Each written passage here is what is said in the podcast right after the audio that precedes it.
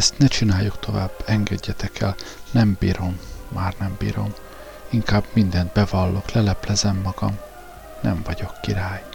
Nem vagyok a messiás, én az emberek fia vagyok. Betlehemben születtem, a galileai Názáretből származom. Apám József, ácsmester, anyám Mária, testvérem nincs. Csak felfordulást akartam, lázítottam, hazudtam. Kihasználtam, hogy hiszékenyek az embere, mert király akartam lenni, Isten akartam lenni. Király és Isten akartam lenni én is. Engedjetek el, nem bírom. Már nem bírom tovább, mindent megteszek, amit csak akartok. Szolgálni foglak benneteket, bűnhődni fogok. Az egész életemet nektek adom, csak ezt ne tovább. Bevallok mindent, hogy összeesküdtem Júdással. Én terveltem ki az egészet. Csak én. Én vagyok az egyetlen bűnös. A többiek mind ártatlanok, csak annyi a védkük, hogy naívak, hogy becsaphatók. Mindenért csak engem terhelhet a felelősség. Én vettem rá a tanítványokat, hogy higgyenek nekem. Szebb életet ígértem nekik, hogy kövessenek. Én bájoltam el a népet szép szavakkal és szemet kápráztató csodákkal. Az ő bűnük csak annyi, hogy elhitték, hogy nem kételkedtek benne. Mindent a pásztoroktól tanultam el a pusztában, a leleményességet és a kézügyességet. ember vagyok. Csak azért cselekedtem jót, hogy megnyerjem a népet magamnak. Azért segítettem rajtuk, hogy áhítattal nézzenek rám. Azért ígértem nekik szebb életet az én országomban, hogy titeket meggyűlöljenek. Értsetek meg, nem akartam senki ember maradni. Nem akartam én is csak ács lenni, fával, szerszámmal bajlódni, látástól vakulásig, mint az apám. Nekem kevés volt a mindennapi megszokott öröm, nekem már nem fájt a mindennapi megszokott fájdalom. Én az igazi örömöt akartam, az igazi fájdalmat. Mindent és mindenkit, a világot, az életet elégetni minden pillanatomban. Ezért találtam ki mindent, hogy Isten fia vagyok, a megváltó, hogy király. És hogy az én országom nem ebből a gyógyíthatatlan fájdalmakkal fertőzött és mindig torzán megélhető örömökkel terhes világból való. Hogy az én országom örökkön lobog a fényben. Ezt találtam ki, mert gyűlöltem, utáltam az élettelen, hamis törvényű rendet. Mert gyűlöltem benne, hogy rossz, mert arra kényszeríti az embereket, hogy ne lehessenek egyenlők, hogy kérdezetlenül, cáfolhatatlanul megosztja őket kicsikre és nagyokra, szegényekre és gazdagokra, okosakra és butákra, egészségesekre és nyomorékokra, elégedett hülyékre és elégedetlen hülyékre, hogy arra kényszeríti az embereket, hogy ne lehessenek emberek, csak elporladó valakik.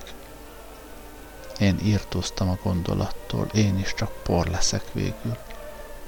Az életem, az örömeim, az igaz fájdalmaim, a sutaságaim, a vágyaim, minden, de minden csak por lesz végül, feledésre ítélt. Hát megvetettem a hatalmasokat, mert ellenemre hatalmasok. Megvetettem a parányokat, mert ellenemre parányok. Gyűlöltem a császárt, mert tudtam, hogy császár, és gyűlöltem a népet, mert elhitte, hogy a császár nem ember. Igen, király akartam lenni korona nélkül.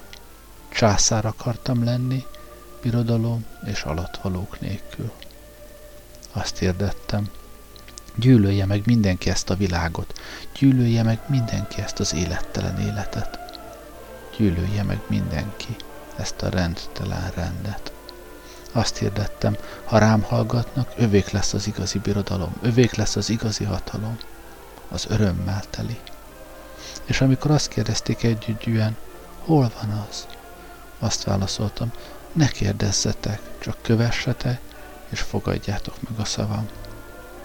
Nem mondhattam nekik mást, nem leplezhettem le magam, nem hazudhattam, hogy itt vagy ott található, hogy holnap vagy holnap után odaérkezünk. Csak azt mondhattam, hogy kövessenek. És én mentem elől, és egyszer csak már én is elhittem, elhittem, hogy egyszer megérkezünk, hogy egyszer csak otthon leszünk az igazi világban, hogy otthon lesz bennünk az igazi élet. és akkor már abban sem kételkedtem, hogy ebben az országban én leszek a király. Ebben a csak öröm országban. Hogy ebben a fájdalom, gyűlölség, megvetés és ravasság nélküli országban én leszek a király. Arra vettem rá az embereket, hogy legyenek alázatosak. Arra uszítottam őket, hogy tűrjenek. Arra kényszerítettem őket, hogy szeressenek. Mert rájöttem, hogy a türelem, a bizalom és a szeretet hatásosabb fegyver a kardnál, a láncsánál, hiszen nem csak a testet, de a szellemet és a lelket is képes legyőzni. Képes legyőzni azt, aki harcol vele. Elhitettem az engem követőkkel, hogy a fájdalom is öröm, mert csak az igazi fájdalomból sarjad az igazi öröm. Elhitettem velük, hogy a türelem a legigazabb türelmetlenség, mert nem izgága, de könyörtelen. Elhitettem velük, hogy az alázat a legtisztább önzés. Igen, önző voltam én is. Önzőn szerettem magamat, önzőn szerettem magamban az életet. Látjátok, mindent bevallottam, nem titkoltam el semmit, most büntessetek meg, most. Zárjatok vissza Betlehembe, kényszerítsetek vissza a szekerce mellé, Názáretbe, parancsoljatok engem hithű zsidónak. Ítéljetek vissza az életre, ítéljetek el erre a meddő fájdalmaktól örökkömvemhes életre. Ítéljetek el az örömgyümölcsöt magtalanul virágzó életre. Ítéljetek el erre a rendetlen rendre. Kényszerítsetek, legyek én is csak egy. Egy megszületett halandó, egy homok szemcse ebben a semmi sivatagban. Legyek én is kínhalára érdemtelen. Hát nekem nem lehet jutalma mennyi kínzás. Hiszen láthattátok, én a korbácsnak is örülni tudtam. Nekem jó leső önigazolás volt a köppés és a szidalom. Számomra elégtétel volt a halálos ítélet. Nem akarok győzni. Ne engedjétek, hogy én győzze.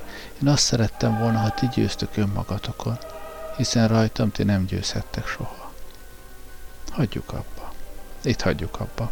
Okultam, okuljatok ti is. Halállal nem lehet életet nyerni, szenvedéssel nem lehet fájdalom nélküli örömöt szerezni. A fájdalom belén kövesedik, elfeledhetetlenül ítéljetek életre, könyörgő, követelem, a királyotok vagyok, látnotok kell, már megfogantam bennetek, nem írthattok ki magatokból soha. Ti is megfogantatok bennem, hát a birodalmam vagytok. Követnetek kell engem, már nem tudtok nem követni. Viszlek, hurcallak magammal mindannyiótokat, hiába tiltakoztok, hiába csapjátok be magatokat azzal, hogy űztök, kergette. Gondoljátok meg utoljára. Feledjetek el engem, magatokra emlékezzete, ne engem nézzetek, magatokat lássátok. Ne bennem gyönyörködjetek, magatok gyönyörét kínáljátok. Ne az én szenvedésemet a magatokét érezzétek. Ne az én halálomat várjátok. A magatokét féljétek. Hallgatni inkább, ahogy a gyerek. Nézni inkább, ahogy a gyerek várni inkább, ahogy a gyerek, félni inkább, ahogy a gyerek, sírást eltitkolni inkább, ahogy a gyerek. Most úgy nézed magad, mint nézed az embert. Már senki nem idegen, már mindenki te vagy. Tested sebtelen, mégis vérzik. Lelkedre hegek nőttek, múltjukat már nem kutatod. Úgy gyűlölsz, hogy szeretsz. Úgy szeretsz, hogy gyűlölsz. Úgy vagy mindenki, hogy magadban állsz. A felén tán túl vagyunk, a nehezén, a nehezek kezdetén. Tisztelt követőim, föl fogok állni szégyenemből. Csak egy pillanat még, s újra járok. Bizalmatokat meghatottan köszönöm. Újongás tapsot nem igénylek. A játék folytatódik, szín, úton, fölfelé. Néma harsonák, a főhős talpra áll, hogy élete beteljesüléséhez eljusson. Látszik arcán, hogy kimerítette az iménti, fölösleges szándékokkal teli monológ. de nem szomorú a hiába erőfeszítés miatt. Tekintetében nincs gyűlölet, tartása meglehetős rodgyantsága ellenére is fenséget, magabiztosságot áraszt. Fogja keresztjét, és határozott lépésekkel indul előre. A többiek ösztönösen követik.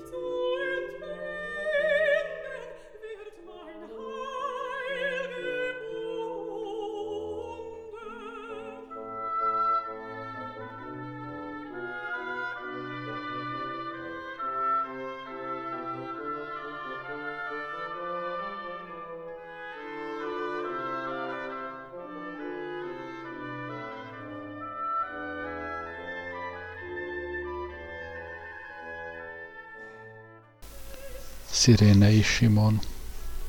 Hé, te! kiáltotta fegyveres. Simon szemrehányóan nézett fiaira. Mondtam, hogy ne álljunk meg bámészkodni, mondtam, hogy siessünk, ne keveredjünk bele semmibe. De a két fiú, Sándor és Rufus szinte könyörgött neki. Csak egy kicsit, csak hadd nézzük, csak egy kicsit, ennyit igazán megérdemlünk. Nem is arról volt szó, hogy nem érdemlik meg a fiúk a bámészkodást, mert igazán keményen dolgoztak a földön a kánikulában, hát megérdemelték. De Simon tudta tapasztalatból, hogy az ilyen bámulásnak nincs sok értelme. Bámulni más baját, bámulni, irigyelni más örömét. Meg sose tudhatja az ember, még rákennek valami tisztességtelen dolgot, aztán hogyan mossa tisztára magát a szegény ember fia. Anyátok már vár az ebéddel, még idegeskedne, ha kihűlne. Aztán délután meg ott a kert, a jószágok, tudhatnátok mennyi a dolog így közvetlen ünnep előtt. De hasztalan östörgött. A két fiú már előre szaladt a kanyarba, a dombra, hogy jobban lásson.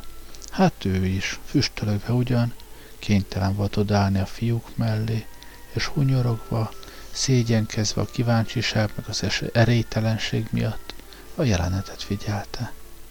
Süket vagy? Neked szóltam vénszaros, kiáltott újra a fegyveres. Hát, még egyszer körülnézett, de most már félve. Megrettenve az imént is érzett, és már leplezhetetlen igazságtól, hogy neki szólta, hogy kétségkívül neki kiáltott az a fegyveres. És nem csak a fegyverest, a kiáltás bizonyosságát kellett beismernie, de látnia kellett hirtelen megriadt fiai belé csimpaszkodó tekintetét és ez a két ártatlanul kiszolgáltatott tekintet fölháborította. Ökölbe szorította a kezét. Még hogy vén szaros, hát kicsoda ez a senki házi, ez a betolakodott római, ez az idegen.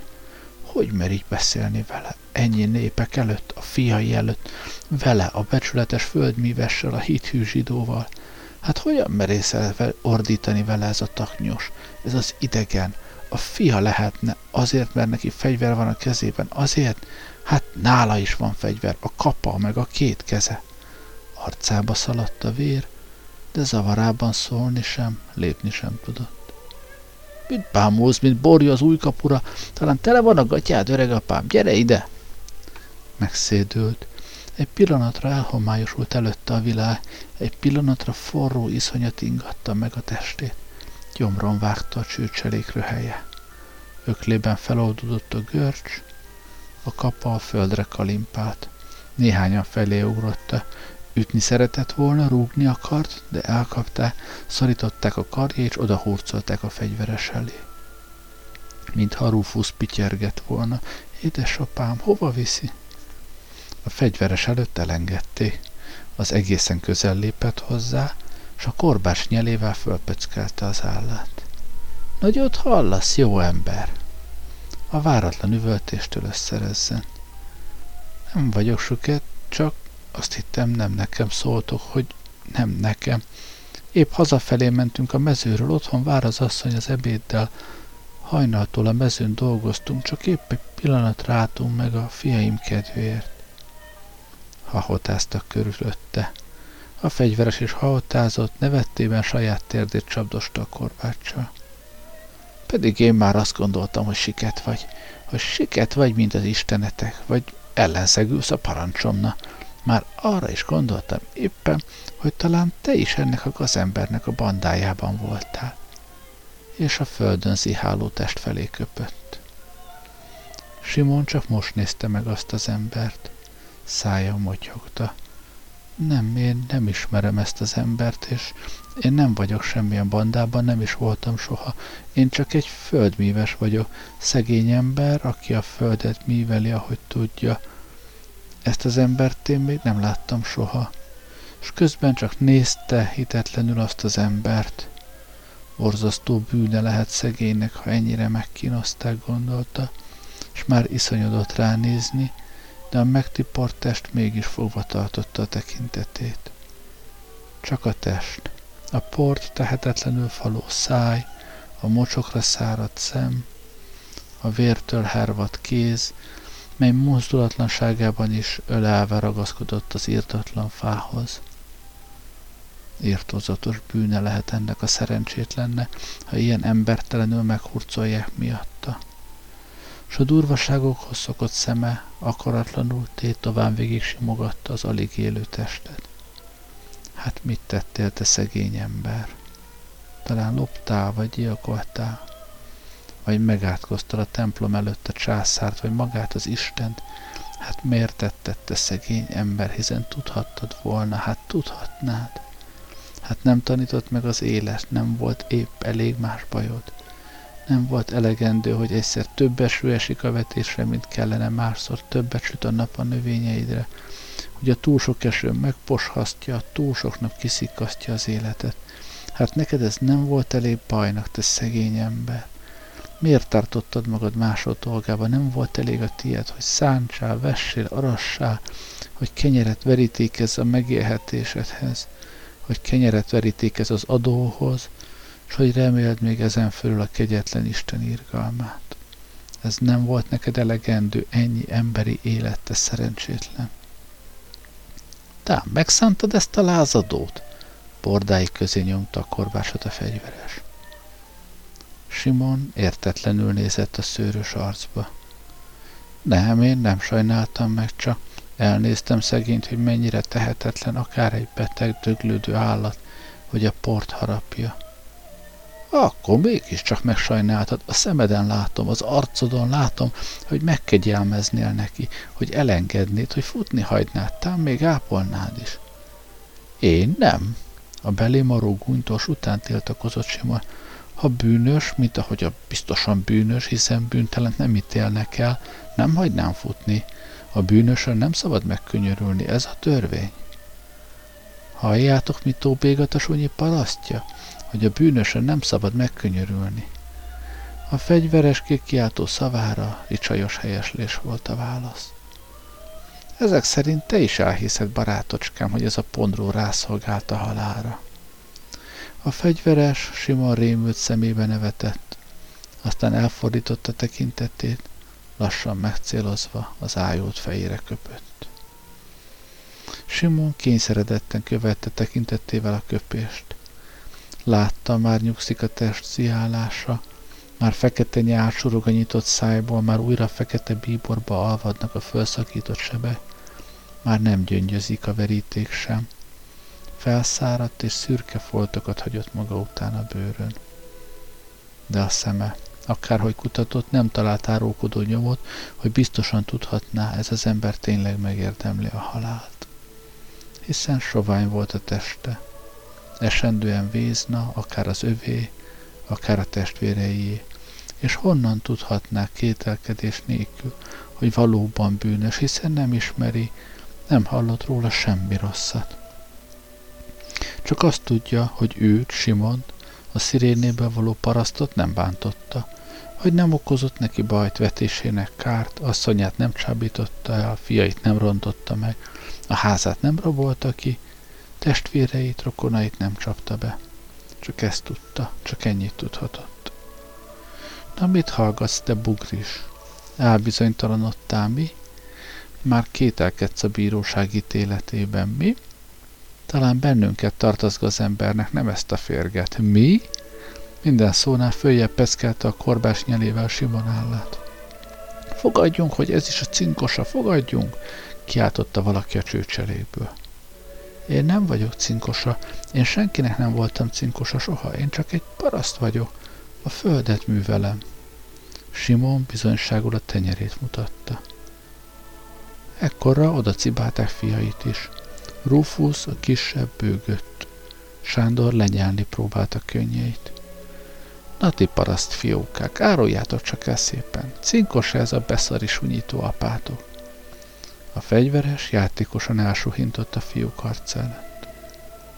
Ne bántsátok őket, őket ne bántsátok, ők ártatlanok, könyörgött Simon, a félelemtől ő is sírni kezdett. Na mi lesz már? Cinkos az apátok, vagy nem? Azt kérdeztem fattyak. Ez az ember bűnös, ez az ember megérdemli a halált, ez az ember megszegte a császár parancsait, ez az ember nem tartotta be Isten törvényét, ez az ember nem érdemes az életre, mert ő maga a megtestesült bűn, ez az ember maga a sátán. Simon arcán ömlöttek a könnyek, fekete, vaskos kezével elmaszatolni próbálta. A fegyveres intett, elengedték a fiúkat. Azok tétován, szipogva hátrálta, majd hogy újra rájuk ijesztettek, futni kezdte.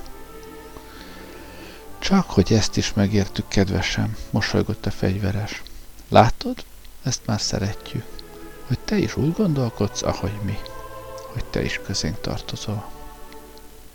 Simon, akár a siket néma, aprókat bólogatott idétlenül. Körülpislogott, indult volna a fia, fiai után. Azt gondolta, hogy csak ennyit akarta, szórakozni egy kicsit az úton, és kellett egy ember, akit beurathatna, egy hiszékeny hülye, egy földhöz ragadt eszű. De hát ezen nem is kellene csodálkoznia. Ő mindig ilyen volt. Bárki a bolondját járathatta vele. Mert ő soha nem gondolt rosszra. Ezért hát mit tehetett volna mást? Megsemmisültem bólogatott, hogy egyetért. Tegyenek, ahogy jónak látják, amit akarnak, amit elhatározta. Ő nincs semmi ellen, láthatják, láthatja mindenki. Ő ártatlan, ő tiszta ember. Most is a munkából jött, és otthon is még munka várja. Mondta volna, hogy indulna, menne már a fiai után, nehogy megriasszák az anyjukat, hogy elébb érkeznek haza, mint ő, és kisírt szemekkel. Meg biztosan vár már az asszony is az ebéddel, tán ideges is már, ki kiszalad a kapuba, mert ő úgy ígérte pirkadatkor, hogy ebédre hazaérnek, addigra végezne. Így beszélték meg, hogy ma otthon ebédelnek, nem a földben, mert ünnep van, ugye, és ilyenkor a ház körül is összetorlódik a sok tennivaló, takarítás, mi egyéb. És az ember, a maga fajta szegény ember mégiscsak úgy szeretné, hogy megtisztelhesse az ünnepet tehetsége szerint a legjobban. Hát mindent rendbe kell még hozni, mondta volna, Szája remegve kereste a szavakhoz a formát, a keze szerencsétlenül imbolyogva segítette volna a szavak útját.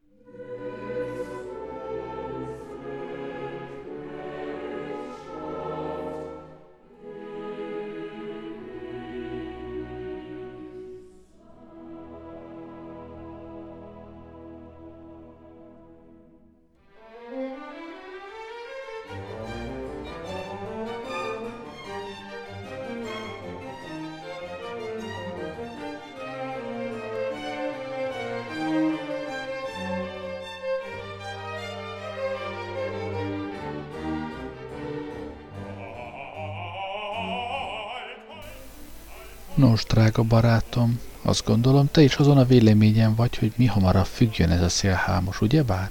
Mi hamarabb, ugye, két szempontból is. Az egyik szempont, nem de bár, hogy bűnös, hogy bűnös életével megfertőzi a bűntelen emberek életét. Ezért aztán mindannyiunk számára hasznos lenne mielébb eltenni őt lábalól, igaz? A másik szempont, hogy ünnep van. Jó lenne már túl lenni ezen a mocskon, hogy az emlékének az árnyéka se zavarhassa az ünnepet, nem igaz? De látod, drága fele barátom és szövetségesen, milyen vézna, milyen gyönge a szerencsétlen, nem bírja a keresztfát. Mindúttalan összeesik alatta, az idő megmúlik. Mi katonák, mi mégsem segíthetünk neki, ezt nyilván te is így gondolod helyesne. És természetesen azzal is egyetértesz, hogy nem kérhetünk meg bárkit vigye a gazember helyett a fát, bárki nem járulhat hozzá az ítélet végrehajtásához. Ez magasztos ügy. Ez megbecsülés. Hogy nem mondjam, kitüntetés. Ezért aztán úgy döntöttem, hosszú fontolgatás után, hogy te, kedvesem, csak is te érdemelnéd meg ezt a bizalmat, mert rászolgáltál, mert épp úgy gyűlölöd a bűnöst, ahogyan mi. Arról fölösleges beszélnem, hogy úgy látom, jó erőben vagy, s neked meg sem kottyan vinni ezt a semmi kis keresztfát. De ne ijedj meg, természetesen csak addig, amíg lelket verünk ebbe a patkányba. Tehát légy olyan jó és szolgálatkész, fogd meg és hozd a keresztet. A fegyveres, nyájasan átölelte Simont, a tömeg tapsolva újjongott a váratlan fordulat láttán. Simon nem akart hinni a fülének. Hát nem volt még elég, nem volt még elég ennek a, ennek a gyalázatosnak, ennek a kurva fajszatna. Nem lakott még jól a csúfolódással, a tömeg röhögésével, nem oltotta még gödény szomját a megalázás sikerével. Hát ez mind még nem volt elég. Ahogy elöntötte a forróság a fejét, ököllel a fegyveresnek esett, de a fegyveres megelőzte. Állon találta kegyetlenül, hogy saját lendületétől segítve felbukott. Na mi lesz már a szentségi csavargója, míg kezet merészelsz emelni a hatalomra? Visszautasítod a kitüntetést, te ganétúró. Ha mukkani próbálsz, téged is felszügelünk a kereszt másik oldalára, te szarnak való mozgás! Fölemelték és odalökték a kereszthez. Rázuhant arra a szerencsétlenre, mintha hallani vélte volna, hogy a váratlan fájdalomtól felnyögött. Hát szólni akart. Ne haragudj, testvér, de akkor a fölrencigálták, s rádöntötték a fát. A súlytom majdnem elzuhant ismét, de látta, még ott fekszik az a másik, hát minden erejével megfeszítette magát, s megállt az iszonyatos teher alatt. A tömeg éjjelzett. Azt a másikat is felrángatták, de nem bírták el a lábai. Belérúgták, belérúgtak, ütötték, verték, és hogy nem moccant, megmarkolták két oldalról és vonszolták. Hát elindult ő is utánuk. Akár a szántáskor forgó föld megszédítő egyhangúságát látta volna. Ahogy a szürke, gazos fölszín a hasított fekete mélyben bomlik. Szinte hallotta. Sír és sóhajt a föld. Szinte látta. Akár tükör, meg megcsillan az elvágott rög.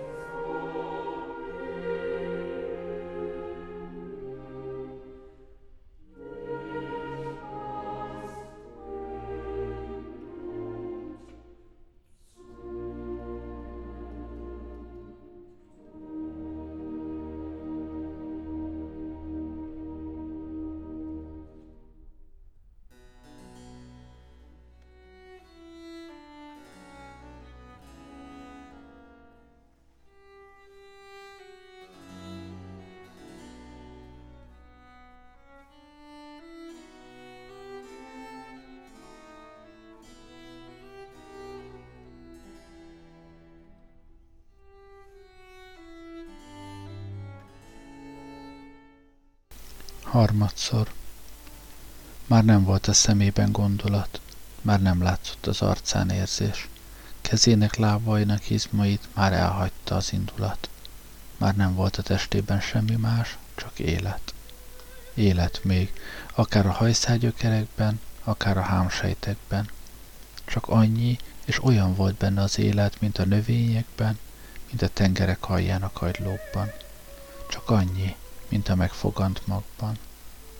Már nem volt Jézus, már nem volt Betlehemben született, már nem volt Názáretből való, már nem volt József az ács fia, már nem volt a szeplőtelen Mária magzata, már nem az volt, akit Simon szemei még látta, már nem az volt, akit János megkeresztelt a Jordánban, már nem az volt, aki intett Simonnak, Andrásnak, Jakabnak, Jánosnak, nem az, aki igaz életet hirdetett a népne, aki szerte járt falvakban, városokban, akinek a keze érintette a halálból éledő Jarius lányát, akinek a ruháját vágyták megérinteni hívő, vérzők, betegek, bénák, süketek, némák, vakok, leprások.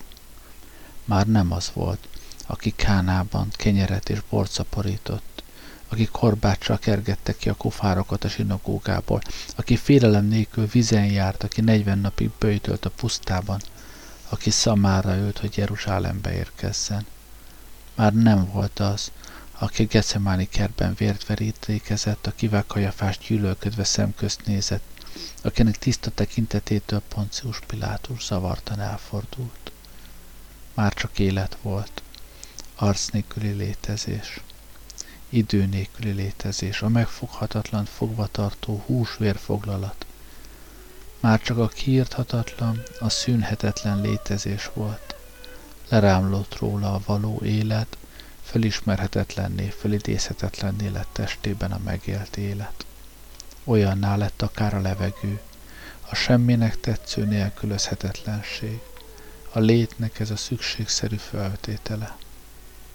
Mozdulhatatlannak tetszett, akár a föld. Mozdíthatatlannak tűnt, akár a föld. Néhányan már szánni kezdték, néhány fegyveres már szégyenkezve undorodott. Néhányan elsápadtak, néhányan hányingerrel küzdködte, néhányan már nem bíztak ránézni, néhányan már gyors, megváltó halált kívántak neki, néhányan már nem igen emlékeztek a bűnére. Zavaros álomnak tűnt minden. A katonák már legszívesebben eléhozták volna a koponyák hegyének csúcsát, hogy ne kelljen újra föltápászkodnia. Újjai, akár a gyökerek belé szívódtak a fába. Fölemelt arcára kába szeretett árnyéka virágzott. A parancsnokra nézett, szája mozdult. Elébb élettelen hangfoszlány szakadt ki belőle, majd nem sokára két érthető szó. Indulok, barátom. A parancsnok elfordult, s a többiek lélegzett visszafolytva figyelték, ahogyan hang nélkül föláll, s akár súlya sem lenne, átveszi a keresztet a megfáradt földművestől. Arcát a dédelgető fény megmosta, a táncoló szellő megtörölte. Könnyedén lépett.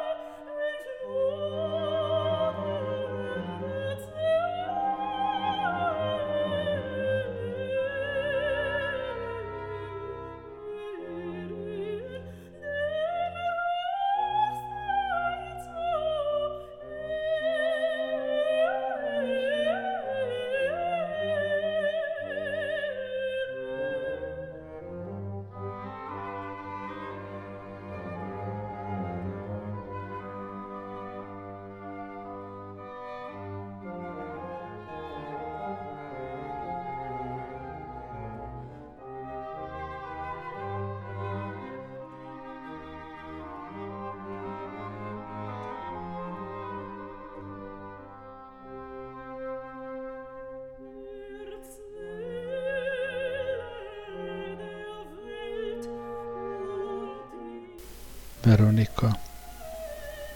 Pedig csak véletlen volt, hogy éppen arra sétált. Ebéd után, szokása szerint még szülei és a ház népe hűs szobákba bújt, hogy álomba dédelgesse a jó lakottságot. Ő fogta apró szőtt táskáját, benne mindig gyors fehér kendője, és elindult. Mikor, merre vitte a kedve.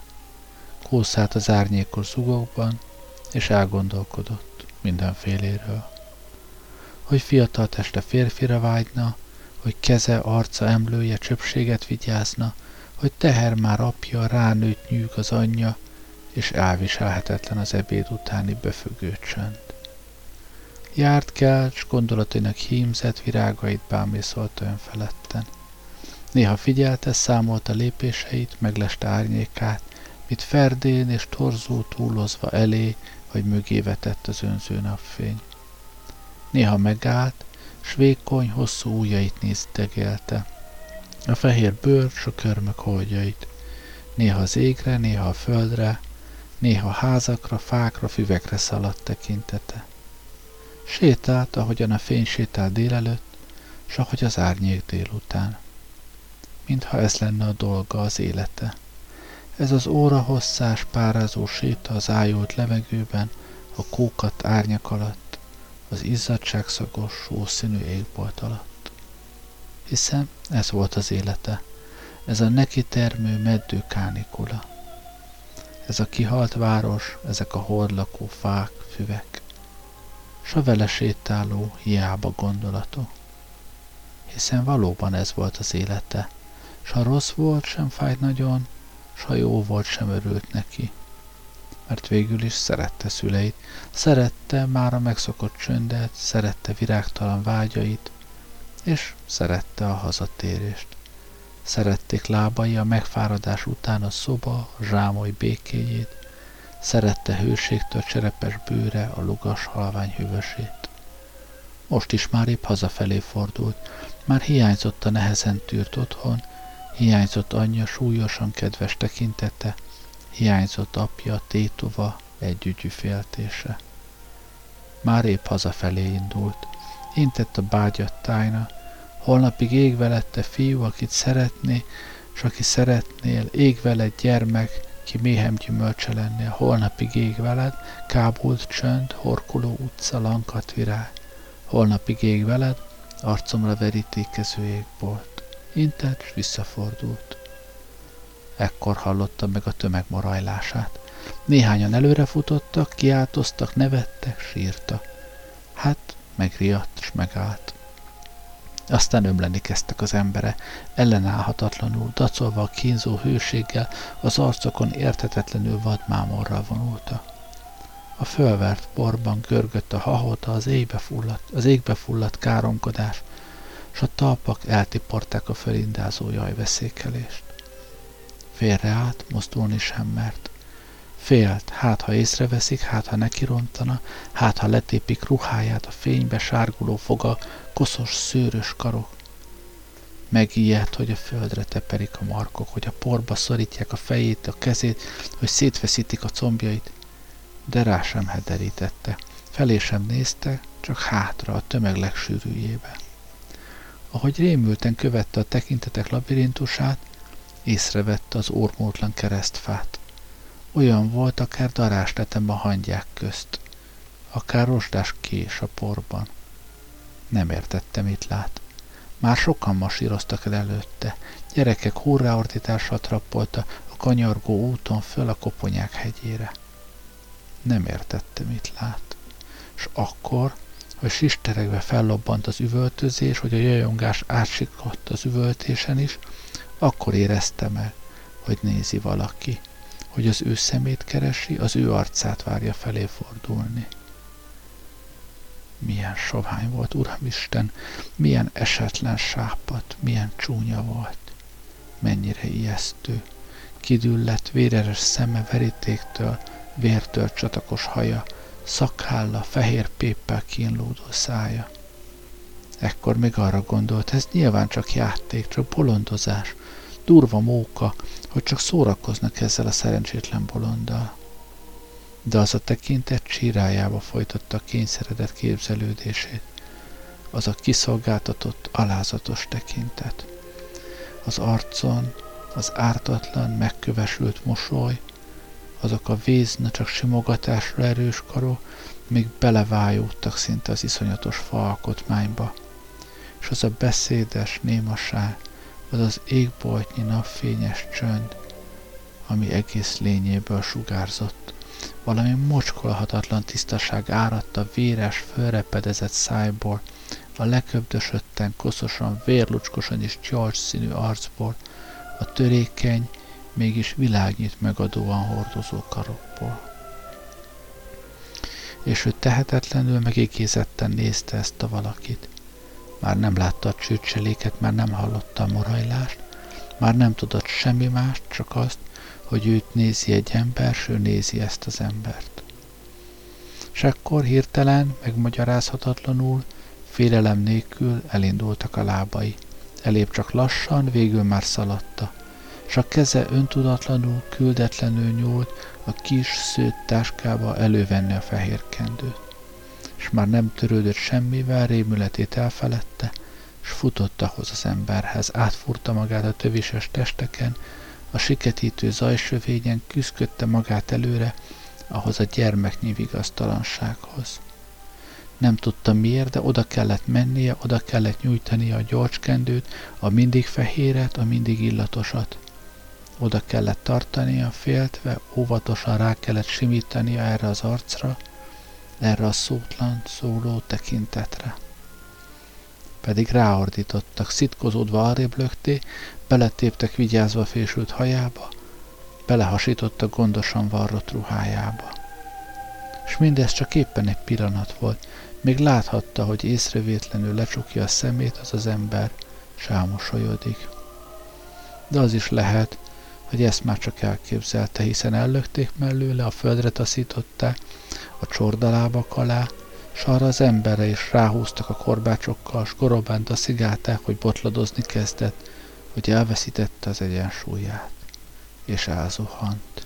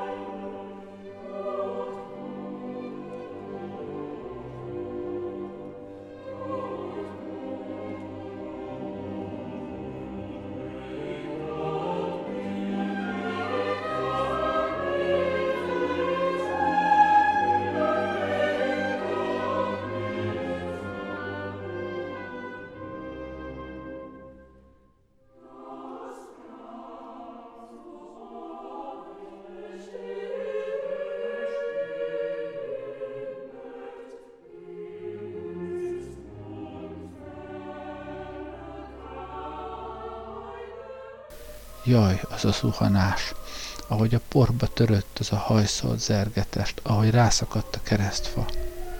Talán fölsikoltott, talán, hogy ne láthassa, a véres, verítékes kendőbe rejtette az arcát. Talán. Arra még emlékezik, ahogyan eltűntek az utolsó emberek is. Ahogy a semmibe kúszott a morajlás. Arra is biztosan tisztán emlékezik, hogy sírva fakadt, hogy vigasztalhatatlanul zokogott, s tehetetlenségében a kendőt, a már kesernyi, sós, édeskés szagú kendőt harabdálta kínjában.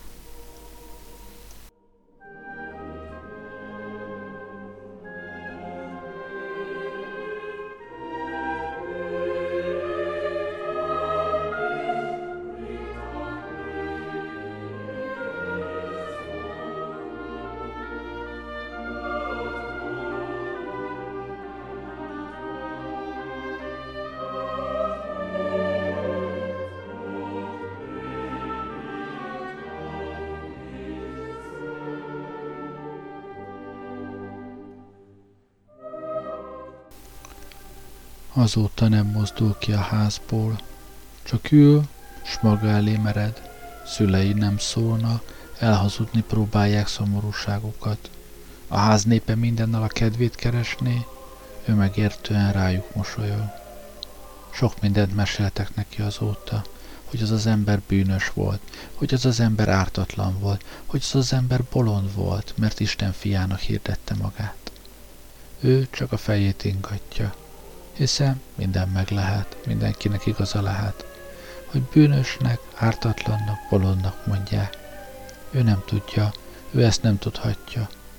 Hát a fejét ingatja, és nem mozdul ki a házból. A kendőt úgy vigyázza, mint legféltettebb kincsét. Pedig elbarnult már rajta a vérfolt, már elszürkült a veríték, már megsápadt a kosz is. A szaga pedig már nem keserny és nem savanykás, nem is édeskés.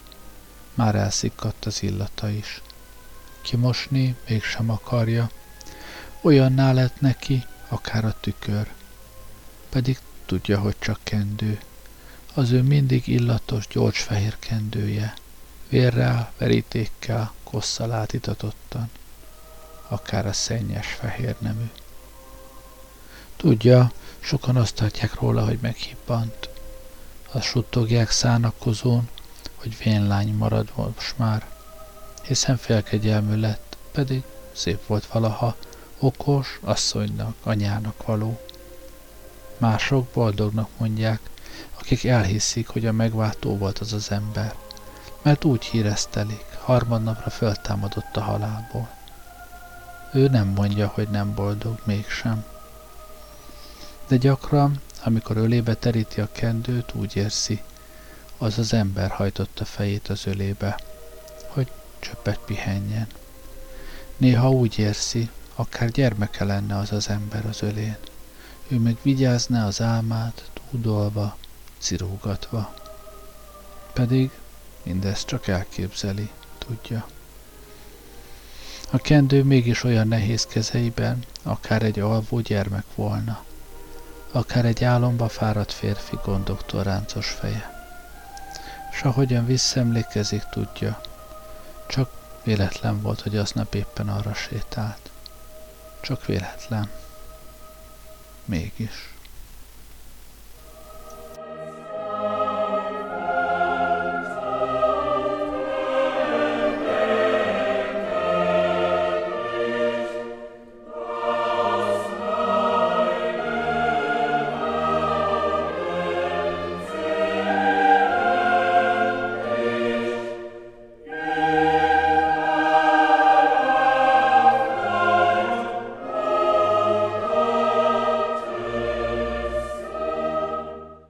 Szakítom meg a történetet ma estére, hogy egy hét múlva folytassam és befejezzem. Köszönöm, hogy velem voltatok ma este. Jó éjszakát kívánok. Gerlei Rádiózó.